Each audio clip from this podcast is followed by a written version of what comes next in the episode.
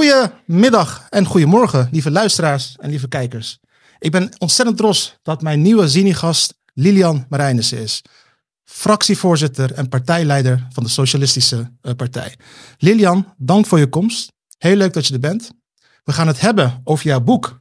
Recente boek, De winst van eerlijk delen. Ja. Ons pleidooi voor radicale democratisering. Ja, leuk. Nou, dankjewel voor de uitnodiging. My pleasure. En ik zei al, ik kwam hier binnen en ik was verrast dat ik in zo'n mooie Elsevier podcast opnamestudio eh, terecht kwam. Dus ik zit ook nog eens lekker eh, in het hol van de leeuw, maar dat is alleen maar goed. Maar wel een goede, vriendelijke leeuw. En echt een liberaal Ja. bolwerk. En eh, ook volks. Dus in die zin denk ik dat we wel raadvakken hebben. Ja. Eh, Lilian, mag ik jou een vraag stellen? Nou, daarvoor zit ik hier, Sini, dus eh, kom maar door. Zou het zijn als ik nou zou zeggen, nee, daar kunnen we niet aan beginnen. Vragen, nee. Je hebt echt een heel goed boek geschreven. Echt waar. De winst van delen. En ik vond het ook heel tof dat de, de ondertitel een pleidooi voor democratisering. Ja, Democratisering. Wa- waarom juist dat begrip? Nou, omdat een van de misverstanden die ik hoop met het boek eh, weg te nemen is dat de gedachte dat de SP altijd maar voor meer overheid en grotere overheid is, ja, die, die klopt niet. En dat weet ik. Maar ik heb gemerkt de afgelopen jaren dat dat een hardnekkig beeld is. Dus ik vond het ook mijn opdracht om dat te weerleggen. En ik leg in dat boek uit dat ik wel erg geloof in de kracht van de gemeenschap en in de kracht van mensen. En daarom dus ook geloof dat echte radicale democratisering het enige antwoord is op het groeiende cynisme op dit moment in de samenleving. En het groeiende eh, gevoel van onbehagen, het wantrouwen, terechte wantrouwen. Hè. Laten we daar geen misverstanden over bestaan richting politiek Den Haag, richting de overheid. Ehm, maar dat dat, dat dat wel echt iets anders is dan een grotere overheid. En dat is toch vaak het beeld wat mensen wel van onze partij hebben. En wat is nou dan het verschil tussen een grote overheid en de democratiseringsvisie van de SP van Lilian Mar- Marijnissen? In welk opzicht pleit je dan wel voor meer overheid en in welk opzicht voor minder misschien? Of, Mhm. Het eerste deel van het boek gaat veel over de democratisering van de economie. Ja. En hoe zou die eruit kunnen zien? Ja, en daar kom je daar wel op uit. Dan eh, heb je het al gauw over regulering bijvoorbeeld. Maar ook concrete voorstellen staan natuurlijk in over winstdeling. Eh, ja, hoe moeten we nou überhaupt omgaan met het kapitalisme? En kunnen we er eigenlijk niet beter vanaf? en hoe gaan we om met de markt, de effectenbeurs, dat soort zaken meer? Ja, dan heb je het echt over democratisering van de economie. Dus meer zeggenschap voor werkende mensen ehm, over hun werk. Maar ook als het gaat over ja, een economie die nu echt vooral functioneert voor de aandeelhouders om hun nog rijker te maken. En niet meer voor de werkende klasse. Over andere onderwerpen, en dan denk ik bijvoorbeeld aan de publieke sector, daar leg ik uit dat democratisering voor mij vooral is meer zeggenschap voor de mensen zelf. Dus dat stadstuk is dan niet zozeer meer overheid, eh, maar veel meer zeggenschap bij de mensen die het werk doen. Dus eh, in dit geval heel concreet, laat de onderwijzer nou eh, besluiten hoe de lessen worden ingericht. Laat de zorgverlener nou besluiten welke zorg wel of niet nodig is. In plaats van een zorgverzekeraar, in plaats van de markt die zich daar eh, mee bemoeit door de neoliberalen die dat natuurlijk allemaal vermarkt hebben uiteindelijk. En eh, ook, het is natuurlijk ook een pleidooi dat de, de politiek de zeggenschap weer terugpakt. Omdat als je kijkt naar de publieke sector en andere onderdelen van onze samenleving, die zijn zo aan de markt gelaten dat de politiek en daarmee ook de mensen en dus de democratie er niks meer over te zeggen hebben. In het boek noem ik bijvoorbeeld mijn, eh, oh ja, eigenlijk toch wel ehm, ontnuchtering toen ik zelf in de Tweede Kamer kwam rondom de faillissementen van de ziekenhuizen. ja, Eh, ja, leg dat eens uit, ja? Ja, nou dat ging over het Slotervaartziekenhuis en de IJsselmeerziekenhuizen. En die gingen failliet. En ik heb natuurlijk een verleden bij de vakbond. En ik was daar vooral altijd bezig met zorgpersoneel. En ik dacht, ik ga naar Politiek Den Haag. Want ja, als daar de foute besluiten worden genomen, dan hebben de mensen in de zorg daar last van. Da- daarom ging Kroken samen met jou dat, jaar. Exact, ja, nee, pre- precies, precies. Sindsdien kennen we elkaar natuurlijk.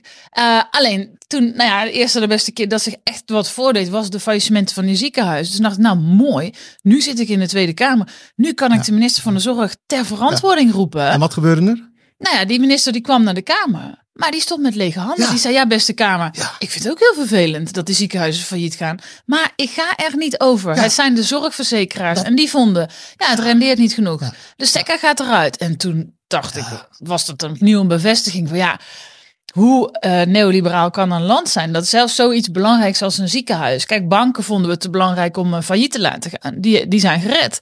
Maar een ziekenhuis, ja. die laat, dat laat men dus gewoon failliet gaan. En de politiek en daarmee dus de mensen. Het gaat me niet om de politici, maar het gaat mij om ja, de mensen die ons kiezen. Ja. Hebben dus ook geen zeggenschap meer over onze eigen ziekenhuizen. En dat is natuurlijk neoliberalisme puur zang. Dat je de boel zo ver vermarkt dat er dus geen zeggenschap meer over is. En daarom ook mijn pleidooi voor meer zeggenschap. En dat slaat dan meer op dat soort dingen. Nou, Lilian, dat, dat, dat, het, het tof aan je boek is dat je dat echt heel uitmuntend beschrijft. En ook heel helder. Van, dat beseffen wij, denk ik, in Nederland veel te weinig. En ik had dus, zelfs als jij dan op mijn portefeuille is, arbeidsmarkt en onderwijs van dat. Hm. Ja, die arme ministers in Nederland zijn geen ministers meer inderdaad. Ze hebben alle, we hebben alles zo gedecentraliseerd, uh, vermarkt inderdaad, semi-geprivatiseerd. Ja. Ze, ze, liegen ook niet. Ze, Ook van geregeld dat ze de minister gewoon echt niks kan doen, weet je wel. Ja. En um, door, toen ik jouw boek las, uh, ik ga de titel nog een keer noemen voor de mensen thuis, de winst van eerlijk delen. En uh, ja, ik, ik heb de afgelopen twintig jaar ook natuurlijk best wel veel andere neoliberale landen bestudeerd. Mm -hmm. neem, neem, bijvoorbeeld um, het Engeland van Thatcher. En precies zoals jij net zegt, Lilian. Zelfs Thatcher is niet zo ver gegaan om het ziekenfonds te privatiseren. Ja. In Nederland waar is er geen grens. Uh, zelfs Pinochet in Chili. Als je het hebt over neoliberalisme, die Chicago Boys, hè, die, kwamen, die economen kwamen daarheen om de boel helemaal op zijn Ruttiaans, uh, PvdA's moet ik zeggen, gaan we straks over hebben, te, vermarkten. Maar Pinochet, de neoliberale dictator, zei, we gaan niet de kopermijnen privatiseren, dan, hebben, dan zijn we het land kwijt, daar moeten we nog gewoon zeggenschap over hebben. En in Nederland, het enige wat nog moet gebeuren is uh, zuurstof privatiseren. Wat, ja. wat, wat, wat, hebben we nog in dit land? Ja, ja alles wat los of vast zit zo'n beetje. Is toch krankzinnig? Het uh, is echt verbijsterend. Ja, we merken het nu ook. We gaan het vast straks nog wel over de energie en zo hebben. En onze idee om te nationaliseren. Maar ook de gasopslag bijvoorbeeld. Ik geloof dat Nederland de grootste geprivatiseerde ja. gasopslag ja, van Nederland heeft. En dan zie je dus dat je er nu volle bak tegenaan loopt. Dat, ja, als die prijzen zo hoog zijn, ja, dan hebben die marktpartijen dus geen enkel belang om die gasvoorraad te vullen. Ja, dus nu kwamen we in de knel. En wat zie je dan vervolgens? Dan moet de overheid alsnog dan toch ingrijpen. En dan moeten dus private partijen, die krijgen dus nu dikke subsidies. Dus jou en mijn belastinggeld ja, ja, van de luisteraar. Daar is, die, daar is wel een sterke maar, overheid voor, toch? daar is de verzorgingsstaat voor. Om opeens. dan toch maar die gasopslagen te vullen.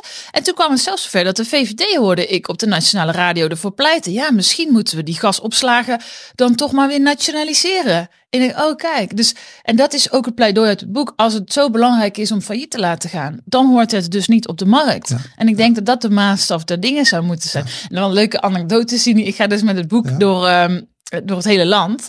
Uh, met allerlei avonden. Het is superleuk. En ik laat me interviewen elke keer door een andere interviewer. Maar onderdeel van de avond is ook vragen uit de zaal. Dat is zeg maar het tweede deel uh, van de avond. En ik was in Heerlen. En daar zat een jongen van elf was hij pas 11 jaar. Die zat in de zaal en hij had ook een vraag. En ik denk, nou komt het. En zijn vraag was, ja, als Mark Rutte alles aan de markt laat, wat heeft hij dan eigenlijk zelf nog de hele dag te doen? dat is een goede vraag. Dat is een goede ja. vraag. Ja. Nou, ik denk dat dat nou, de beste vraag is die ik heb gehad van al die avonden. Nou, um, nu je dit zegt. Ik heb er een column over geschreven.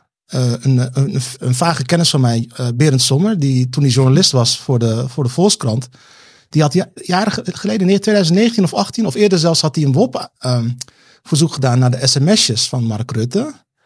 En die kreeg hij toen niet. En toen werd er ook gelogen door het eh, ministerie van Algemene Zaken. Later kwamen ze via een omweg toch uh, weer uh, naar boven. Maar sinds dat Berend Sommer dus een WOP-verzoek deed in 2017 of 18, is Rutte dus, heeft hij, is gewoon, heeft hij zelf gezegd, hij ging elke avond, Lilian, elke avond zelf, Rutte, handmatig sms'jes wis, wis. Dan heb je toch, daar heb, daar heb je er wel tijd voor. Ja. ja. Ja, dat is wel handig. Als je dan toch alles aan de markt laat, dan heb je daar misschien tijd voor. Ja. ja. Hij zegt het ook zelf. Ik ben over niemand de baas. Ik, ben, hey, ik heb geen verantwoordelijkheid. Ik ben hier de boel aan het managen. Is die, die, die, Nederlandse bestuurscultuur. En, dat, en als je jouw boek leest, dan wordt het, is het kristalhelder. Van, moeten we ons daar niet zorgen over maken? Ik bedoel, als Nederland, zelfs meer dan andere neoliberale landen, zelfs de politiek zo heeft gedepolitiseerd. Dat ja. volgens de wet ministers en de premier letterlijk niks meer te zeggen hebben. Wat, ja. Wie is dan de baas in het land? Ja. Exact dat. Nou, niet meer de mensen dus. Ja, en daarom een pleidooi voor radicale Ja, democratisering. ja. Exact. Want dat is dus eh, door foute politieke keuzes eh, verkeerd gegaan. En nu zit je in een situatie eh, dat je er nauwelijks of eigenlijk niks meer wat over te zeggen hebt. Dus daarom ook ja, dat pleidooi om dat weer terug te pakken, die zeggenschap. En een van de analyses uit het boek is ook dat ja, Rutte, en, en dat, dat moet je hem nageven. Want voor zijn achterban doet hij dat denk ik uitmuntend. Eh, de neoliberalen die daarin geloven, die bedient hij daar perfect in. Presenteert hij het natuurlijk altijd alsof alles wat ons ehm, nou ja, eh, overkomt, zoals hij het presenteert. Dus de woningnood of de stikstofcrisis of eh, migratieproblemen of noem het allemaal maar op. Eh, nou, ik was gisteren bij een actie van zorgverleners die zeggen er is een zorginfarct, de wachtlijsten zijn zo lang, de werkdruk is zo hoog. Er is gewoon geen goede zorg op heel veel plekken meer mogelijk door daardoor.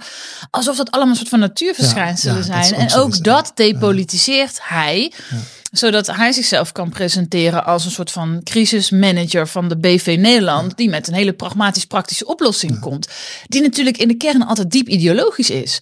Maar, en dat is ook mijn kritiek op, op links onder andere in het boek, ja, dat wij, de neoliberalen, daar te lang mee weg hebben laten komen. Dat wij dat onvoldoende hebben doorgeprikt. En ook onvoldoende daar eh, de radicale alternatieven tegenover hebben gezet. Waardoor ja, die hele politieke soort eenheidsworst is eh, geworden.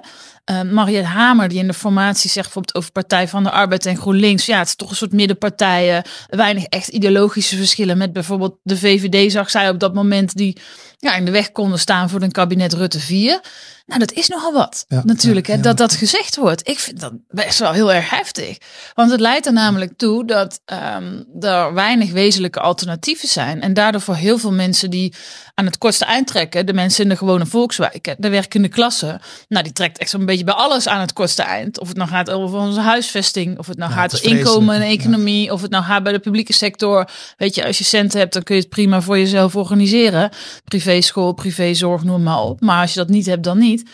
Ja, het leidt er ook toe dat, dat die werkende klasse ook ziet van ja, de politiek is er niet meer voor mij. En dat klopt ook, want die is allemaal ongeveer een beetje op elkaar gaan lijken. En er is te weinig, denk ik, dat is mijn analyse in het boek, te weinig fundamentele alternatieven tegenover gezet. Waar mensen ook hoop uit kunnen halen. Hoop dat het, dat het wel anders kan.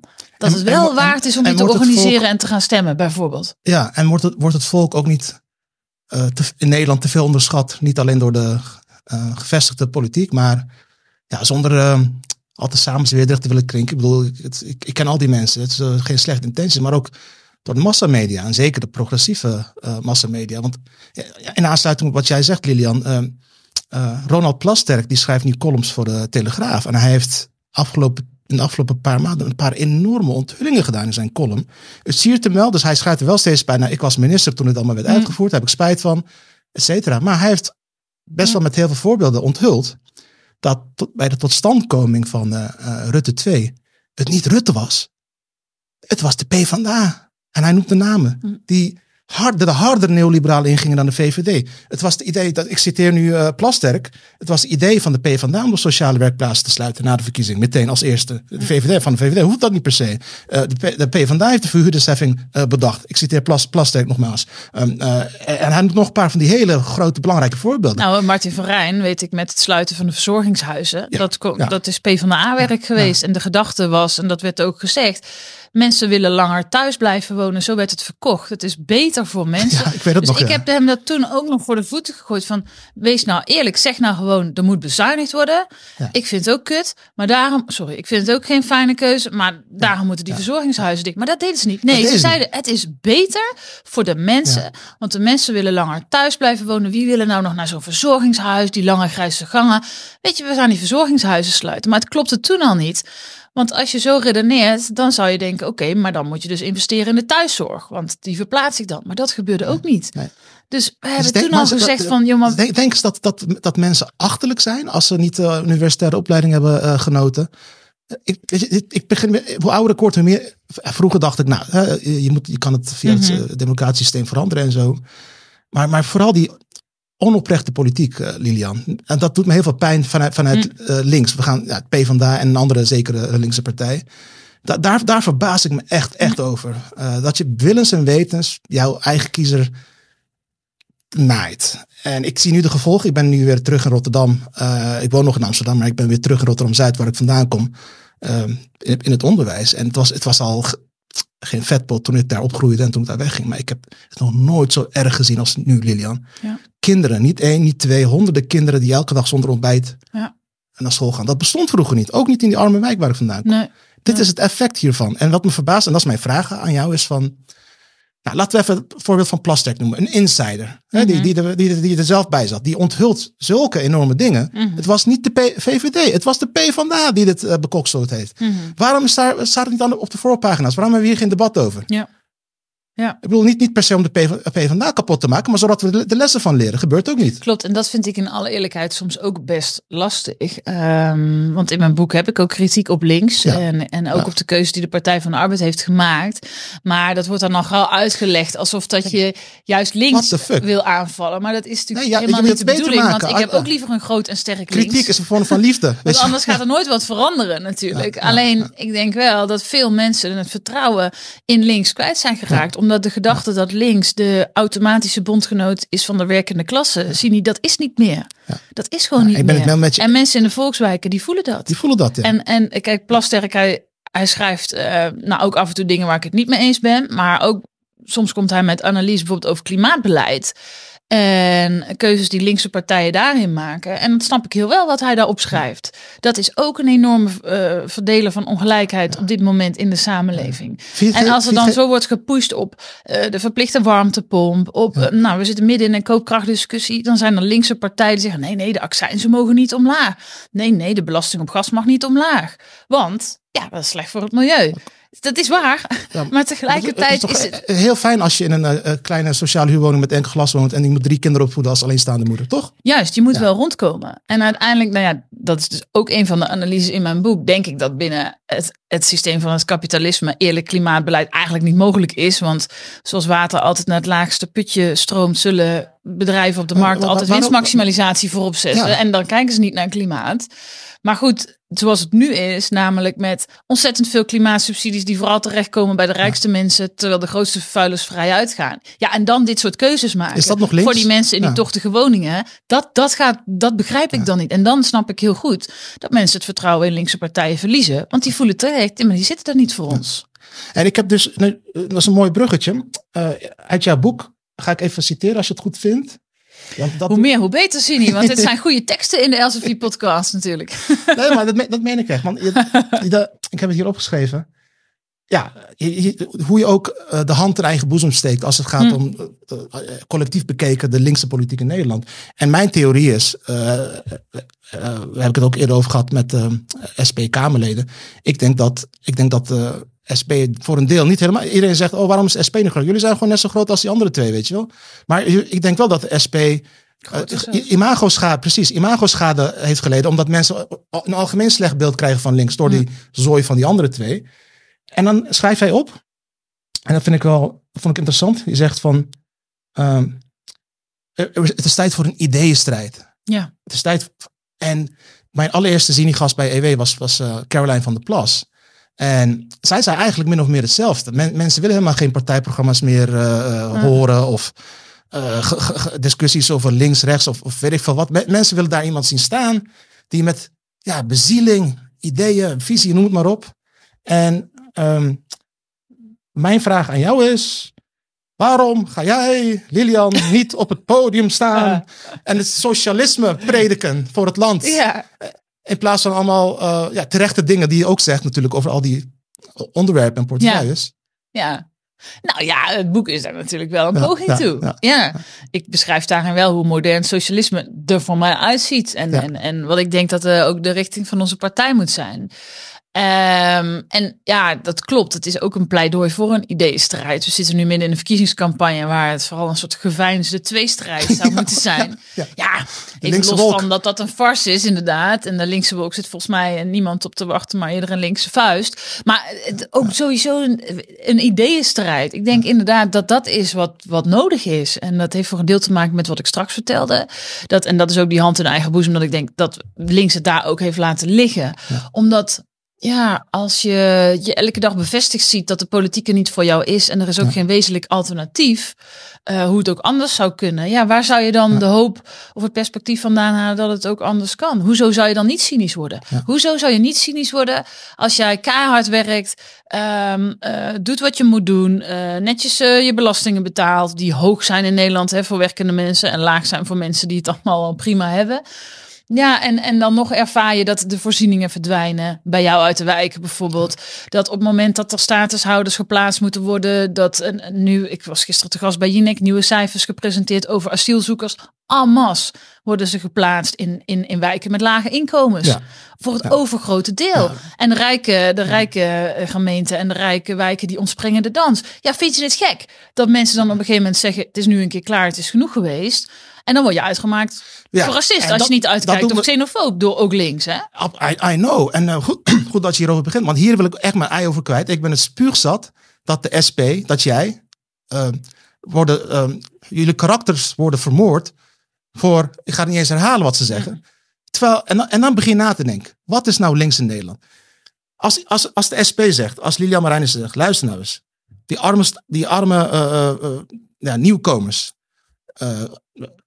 seizoensarbeiders ook, die onder het Nederlandse minimumloon worden uitgebuit. Hm. Als dat het beleid is nu, dat ze binnen kunnen komen en de, de, de, de, het grootkapitaal met de winsten kan vertrekken. Als dat nu de situatie is. En je wil het opnemen voor zowel die uh, arbeiders in het buitenland als in Nederland. Moeten we niet eerst even fixen dat het systeem verandert voordat we ze binnenlaten? Dat is in beide belang. Dan, dan hou je die uh, loonspiraal omlaag ook naar beneden. Juist in het belang van kleurlingen en van uh, arbeiders. En de werkende klasse. Het is, het is een intersectioneel extreem links verhaal. Op een goede manier. Inclusief. Juist antiracistisch. En jullie worden door die... Ik moet ook niet schelden hier, want ik ben hier best boos over.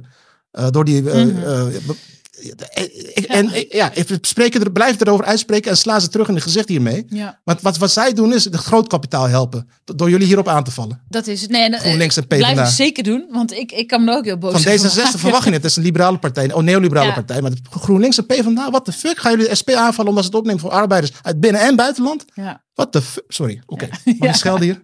Ja. Nee, maar dat is het wel. En ik vind het ook... Um, ja, kijk als je wegkijkt van de reële problemen van mensen, dat, dat, dat, dat past links ook niet, vind ik. Dat, dat mogen mensen van je verwachten. En als je dat niet doet, en ik denk dat dat ook te lang hebben gedaan, uh, dat links dat te lang heeft gedaan, omdat je dan inderdaad bang bent om geframed te worden als, nou ja, hè, dat racisten en dat, dat soort uh, onzin allemaal. Ja, dan ervaren mensen terecht van ja, oké, maar uh, jij legt de vinger ook niet op, jij legt de vinger ook niet op de zere plek. Jij komt ook niet met een oplossing. En als het dan zover moet komen dat zelfs de arbeidsinspectie in Nederland zegt, ja, hey, uh, de lasten zijn voor het groot kapitaal, of nee, sorry, de lusten zijn natuurlijk voor het groot kapitaal, maar de lasten zijn voor de samenleving. Ja. ja. En dat is dus ook echt heel sterk in jouw boek. Ik heb het hier opgeschreven. Ook vanuit je tijd bij de vakbond. Uh, hoe je eigenlijk heel spot on, het, eigenlijk het, ik noem het het defatisme van links hmm. uitlegt. Ook in de vakbond heb je het gezien, ook bij die andere twee linkse partijen. Dat is ook echt het verhaal van de PvdA, Rutte 2 geweest en nog steeds bij, hmm. bij de mensen die betrokken waren. Zonder ons was het nog erger.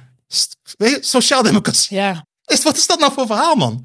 Ja, het is het, het, het, het tegenhouden van de achteruitgang in plaats van de vooruitgang. Ja, dat, dat zo, zo, schrijf jij het op. En wie, je wilt toch juist vooruitgang bevechten? Weet je, daar wil je bij horen. Dat moet het van En daarom zeg ik, Lilian, uh, uh, ik, laat mij een speech voor je schrijven. Ik doe het gratis.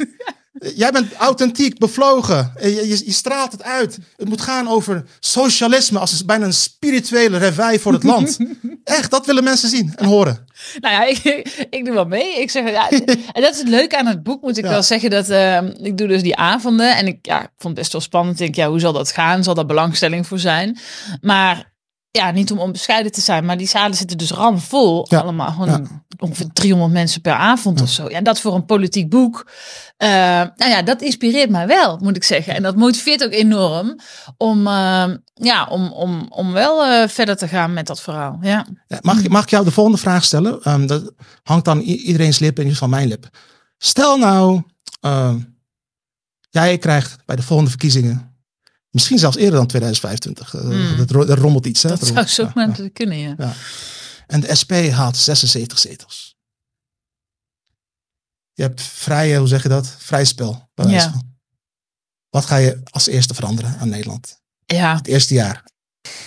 hoe, gaan, hoe gaan we de trap schoonvegen van bovenaf? Juist, nou ja, dat, dat moet denk ik gebeuren. Want kijk, het is natuurlijk ook zou veel te makkelijk zijn als ik nou allemaal dingen zou gaan roepen waarvan je ook wel weet dat dat natuurlijk niet na zoveel jaar Ja, zien in neoliberalisme, eh, afbraakbeleid, dat is zelfs in de hoofden van mensen gaan zitten. hè? Dat zit zo diep in onze instituties. Zo'n belastingschandaal, bel- eh, kindertoeopvangtoeslagschandaal is daar natuurlijk een voorbeeld van.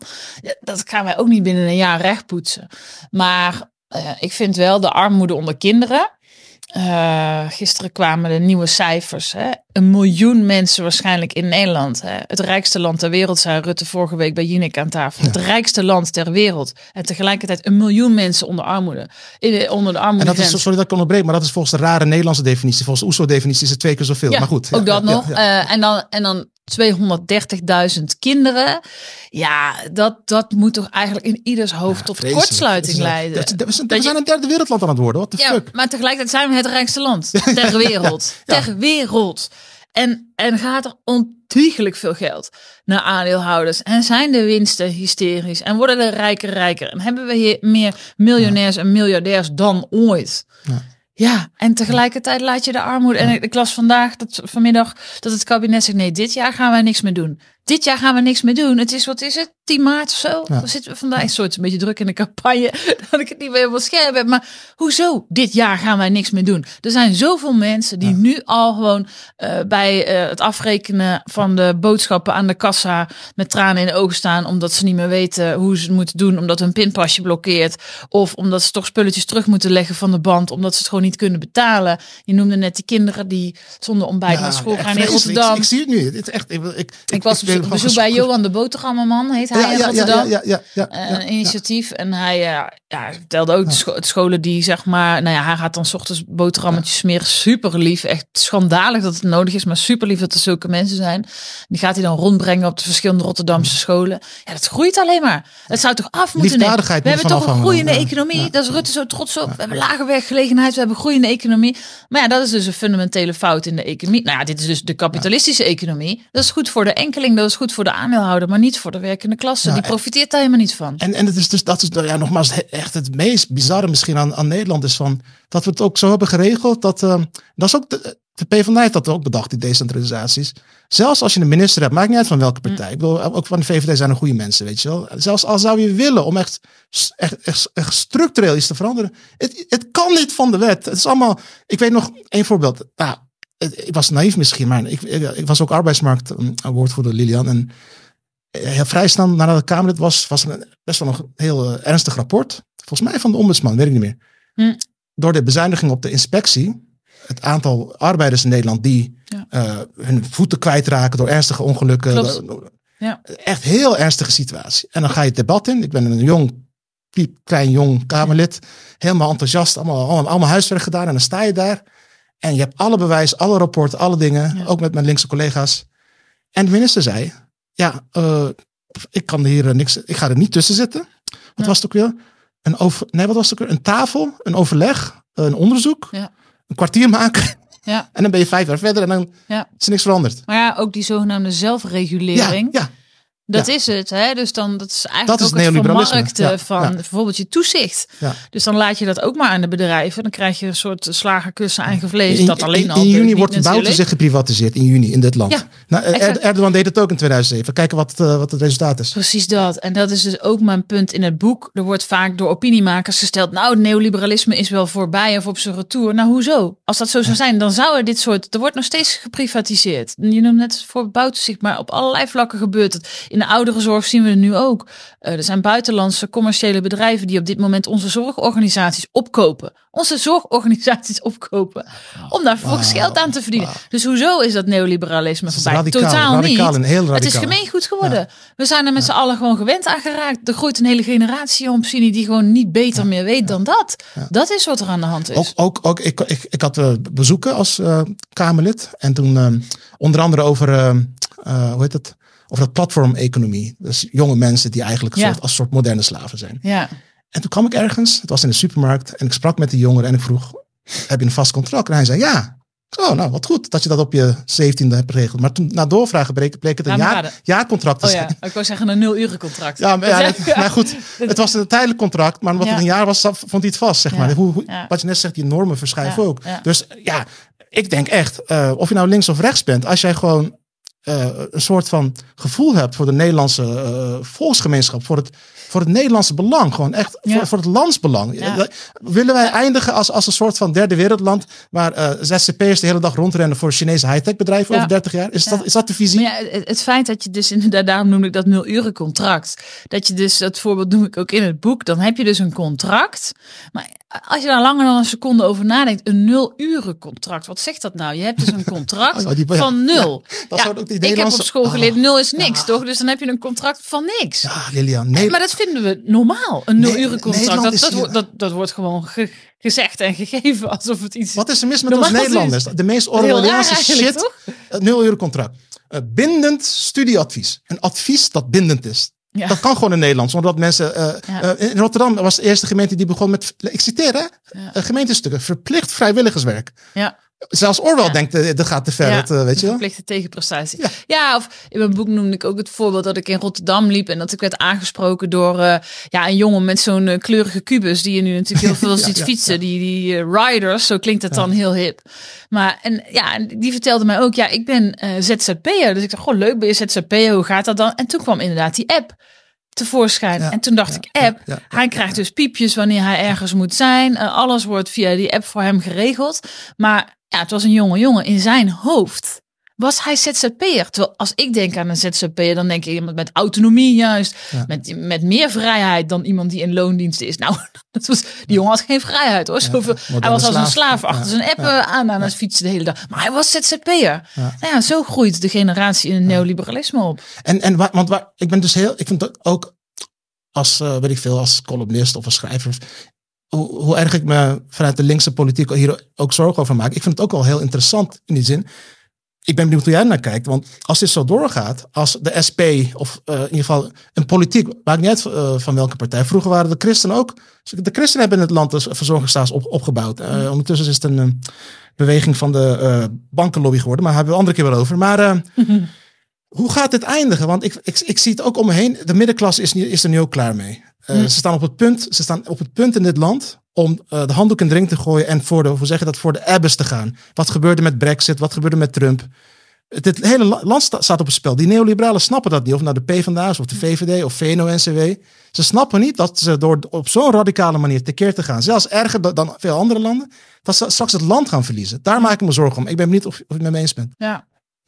Ja, en die, die, eh, die afstand, of dat gapende gat eigenlijk, wat er is tussen politiek Den Haag en de rest van het land. Oh ja. Ja, dat, dat wakkert dat alleen maar aan. Ja. Dus ik vind het ook weer echt zo pijnlijk. Gisteren dan komt dus dat nieuws. De een miljoen mensen onder de armoedegrens in fucking Nederland gewoon. In het rijkste land ter wereld. Ja, dan zou ik dus denken, jij noemde net media, massamedia. Van nou, Ja. daar zou het toch gewoon alleen maar de hele dag over moeten gaan. Maar ook eh, in de Tweede Kamer.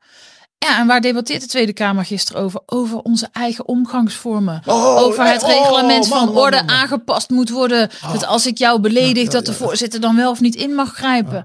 Nou, daar zijn partijen eh, ontzettend druk mee. En dat vinden ze ontzettend belangrijk. En, en hun dito achterbannen. De mensen met wie het goed gaat. Die geen zorgen hebben over of ze het einde van de Die maand willen geen taal halen. van het volk Die horen. maken- die willen die geen hier taal horen. Ja, die willen niet de taal van de Het tokkies is wel horen. goed hoor dat daar regels voor komen. is wel belangrijk. Fatsoen. Ja. fatsoen. Ja, maar hoe...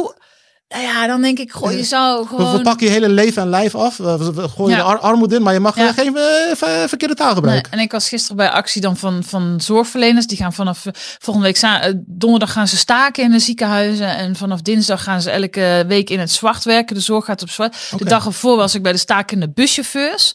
Eh, precies, allemaal dezelfde analyse. Ja. Allemaal ook daar de marktwerking. Het is grappig, want vaak zijn ze nog met elkaar getrouwd. Dus bij die buschauffeurs, die vertelden vaak... ja, mijn vrouw werkt in de zorg of andersom. Eh, maar mensen snappen het donders goed. Allemaal maken ze de analyse. Ja, de marktwerking heeft ervoor gezorgd dat vooral de centen voorop staan, niet meer de mensen. Het werk is er niet meer leuker op geworden. Uh, de werkdruk is toegenomen. Uh, zij worden afgeknepen. Het geld gaat naar de aandeelhouders. De reiziger is te dupe. Of degene die de zorg nodig heeft is te dupe. Het is de politieke mensen, gewoon de gewerkende klasse voelt echt wel. En ze zijn, ze zijn fucking intelligent. Ze gebruiken niet ja bullshit, hoog, zogenaamd hoogopgeleide taal. Maar ze zijn veel, veel scherper en kritischer ja, dan absoluut. jij. NRC absoluut. En zo. Ja. Maar daar is dan toch maar ook beperkt aandacht vanuit de media voor helaas. eens, hoor. En, Terwijl je zult zien, morgen die radicale demonstraties. Nou, we gaan er waarschijnlijk de hele dag weer over lullen hoor in de media.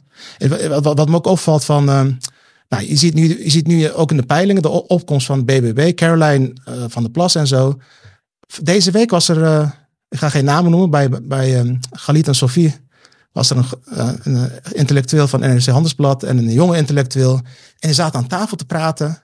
En ze bedoelen het goed, hè, van oh, ja. oh, voor het eerst merken we ook in de peiling, oh, misschien gaat BBB heel groot worden. Wat, wie zijn die mensen op, op het platteland? Ja, ja, en ze spraken over die mensen, Lilian, alsof een soort van obscuur dorpje was in, uh, in Indonesië, een soort van antropologische dit is gewoon Nederland. Je weet niet, die kloof. Wie zijn die, die mensen? ja. ja. het is verschrikkelijk zien. Het is echt verschrikkelijk. Maar ja, dat, dat, ja, als ik dan zo woensdag bij de buschauffeurs ben en gisteren bij de mensen uit de zorg, ja, die voelen dat ook.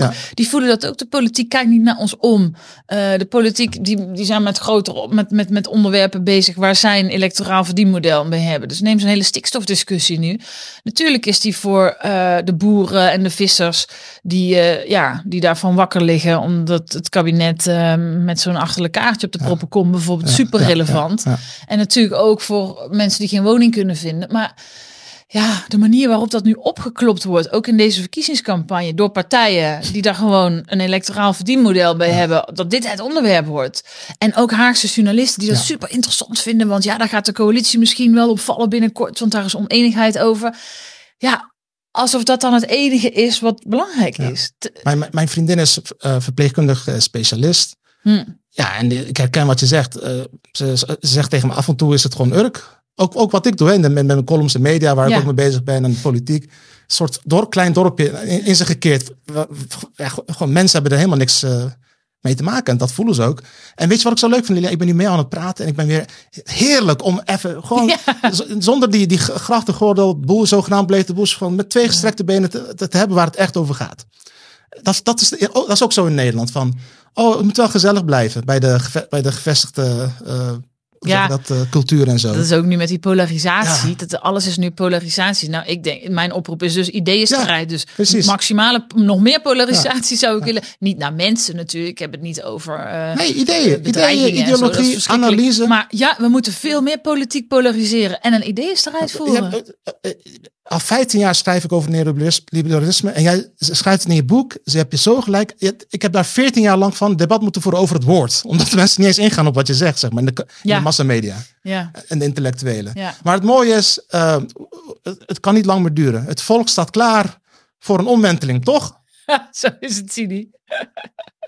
Ja, wat gaan we doen, Lilian? Kom. Nou, nou ja, uh, zeker. En dat, dat merken wij ook. Dus wel leuk om te vertellen, die campagne die wij hebben over nationaliseren van de energie bijvoorbeeld. Ja, dan, dan, dan vanuit sommige journalisten komt er dan de kritiek. Gisteren hoorde ik dat weer bijvoorbeeld van ja, maar ja, SP, dat is dan zo zo, zo systeemkritisch en dat is zo groot en dat is dan zo radicaal. Ja, dat, vinden, ze, dat vinden ze eng. Ja. Dat, is toch politiek? Ja, eh, maar het grappige is ook dat uit alle peilingen blijkt, dus de meerderheid van Nederland is hiervoor. Hè? Dus dan wordt gedaan alsof het een heel radicaal standpunt is. Terwijl, nou ja, als de meerderheid van Nederland ervoor is. En mensen snappen donders goed. Die voelen donders goed dat die marktwerking, ook als het gaat over energie. Mensen zeggen energie is een basisvoorziening, is een nutsvoorziening. Hadden we nooit moeten privatiseren, want het is er niet beter op geworden, alleen maar slechter en niet goedkoper alleen maar duurder. En we hebben er geen klap meer over te zeggen. Nou, dat is toch best onhandig als je aan de vooravond van een enorme uitdaging staat als het gaat over klimaattransitie. Ja, weet ik veel wat dan niet meer. We hebben er niet iets over te zeggen, joh. Dus hou op, waar hebben we het over? Um, en die zien echt wel dat het raar is dat een Vattenval, een Zweeds staatsbedrijf, dat dat dan wel kan. Maar als het Nederlands staatsbedrijf, dat zou dan niet kunnen. Zo. En dat de winsten dan naar het buitenland gaan. En dat is bij die buschauffeurs precies hetzelfde. Want dan spreek ik een buschauffeur die zegt, ja, mijn bussen zijn van een Israëlisch bedrijf. En uh, daar gaat gewoon de winsten naartoe. En de kaartjes zijn duurder geworden. En En de lijnen zijn opgeheven. Hm. En onze arbeidsvoorwaarden zijn ingeperkt. En ik heb minder pauze. En ik moet harder gas geven. En dat leidt tot onveilige situaties. Ook op de weg. Ook voor mijn reizigers. En dan kom ik aanrijden bij de bushalte. En dan zie ik oma met rollator staan. En dan denk ik al in mijn achterhoofd. Shit, ik heb eigenlijk geen tijd om haar naar binnen te helpen. Maar ja, je wil oma natuurlijk netjes naar binnen helpen. Dus dat doe je. Maar ja, dan moet je vervolgens moet je extra gas gaan geven. Moet je harder gaan rijden. Ja, ja. Mag eigenlijk niet. Je brengt mensen in een onveilige situatie. Eh, of je skipt je eigen pauze. Mag eigenlijk ook niet natuurlijk. Is ook onveilig als buschauffeurs dan vermoeid achter het stuur zit. Maar ja, dat doe je dan maar. Want je wil wel dat mensen op tijd bij de halte zijn. Want die moeten weer een aansluiting halen. Mensen moeten misschien wel naar school, examen doen. Of, of gaan mantelzorgen. Je wil niet dat de mensen te laat komen. Die hebben hard voor die mensen die bij hun in de bus stappen. Weet je, en daar is totaal dat, dat, geen dat oog hart voor. is eruit gefilterd. Sy- Dat is Systemisch, willens en wetens. Dat wordt kapot ja, ja, gemaakt. ja, dat wordt eruit gesloopt eh, door, nou ja, dat, dat moet allemaal maar zogenaamd efficiënt, wat het uiteindelijk onder de streep natuurlijk helemaal niet is. Maar ja, dat is dat, dat, dat economische denken natuurlijk, wat marktwerking logisch. Want dat is een politieke keus, dus daar hoeven we dan ook niet verdrietig over te zijn. Dat is volstrekt logisch. Mag ik jou dat dat teweeg brengt. Maar ik, mag ik jou een ja, eh, ongevraagde tip geven? Graag. In plaats van zeggen nationaliseren van de e- energie, energie weer teruggeven aan Nederland. Hm. Zoiets. Ja, ja, we zeggen ook vaak, pak de energie weer terug. Ja, Klopt. Ja. dan, dan snappen mensen het ook. Ja, klopt. Nee, dat klopt. Ja, klopt. En Tofsini is wel een moment dat je het hebt over privatiseren of marktwerking. Dat klinkt heel abstract als, als begrip, maar toch merk ik wel dat ehm, ja, als ik bij de buschauffeurs ben, beginnen ze zelf over Vattenval. Ja, dus dan ja, beginnen dat ze is waar. zelf over. ik, ja, ik moet het maar volk bij de energie zien we. Nee, echt niet hoor. Ja. Dus, Ja, dat is goed. En dan denk ik weer, ja, want ik heb het vaker gehoord, maar mensen zijn echt niet achterlijk. Dat is waar, dat is waar. Ja.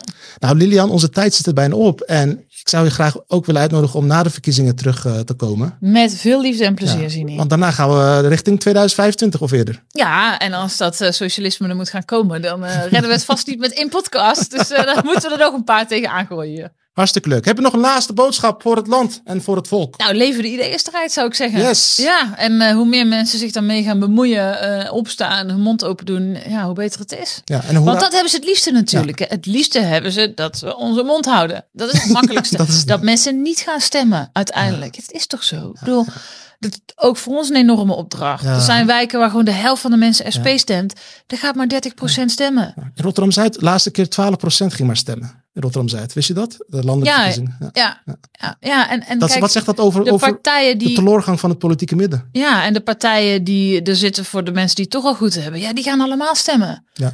En ja, dat, eh, dat is een enorme opdracht. Ja. Ook voor de luisteraars thuis. De middenklasse, de werkende klasse. Eh, de jongeren die niet uit een rijk gezin komen. Ja, die anderen ook. Als je terecht denkt, eh, stemmen heeft geen zin meer. Niet, niet eh, dat opvolgen, gaan stemmen. Uh, ga stemmen tegen het groot kapitaal. Toch? Zo is het. Lilian, dankjewel. Dankjewel.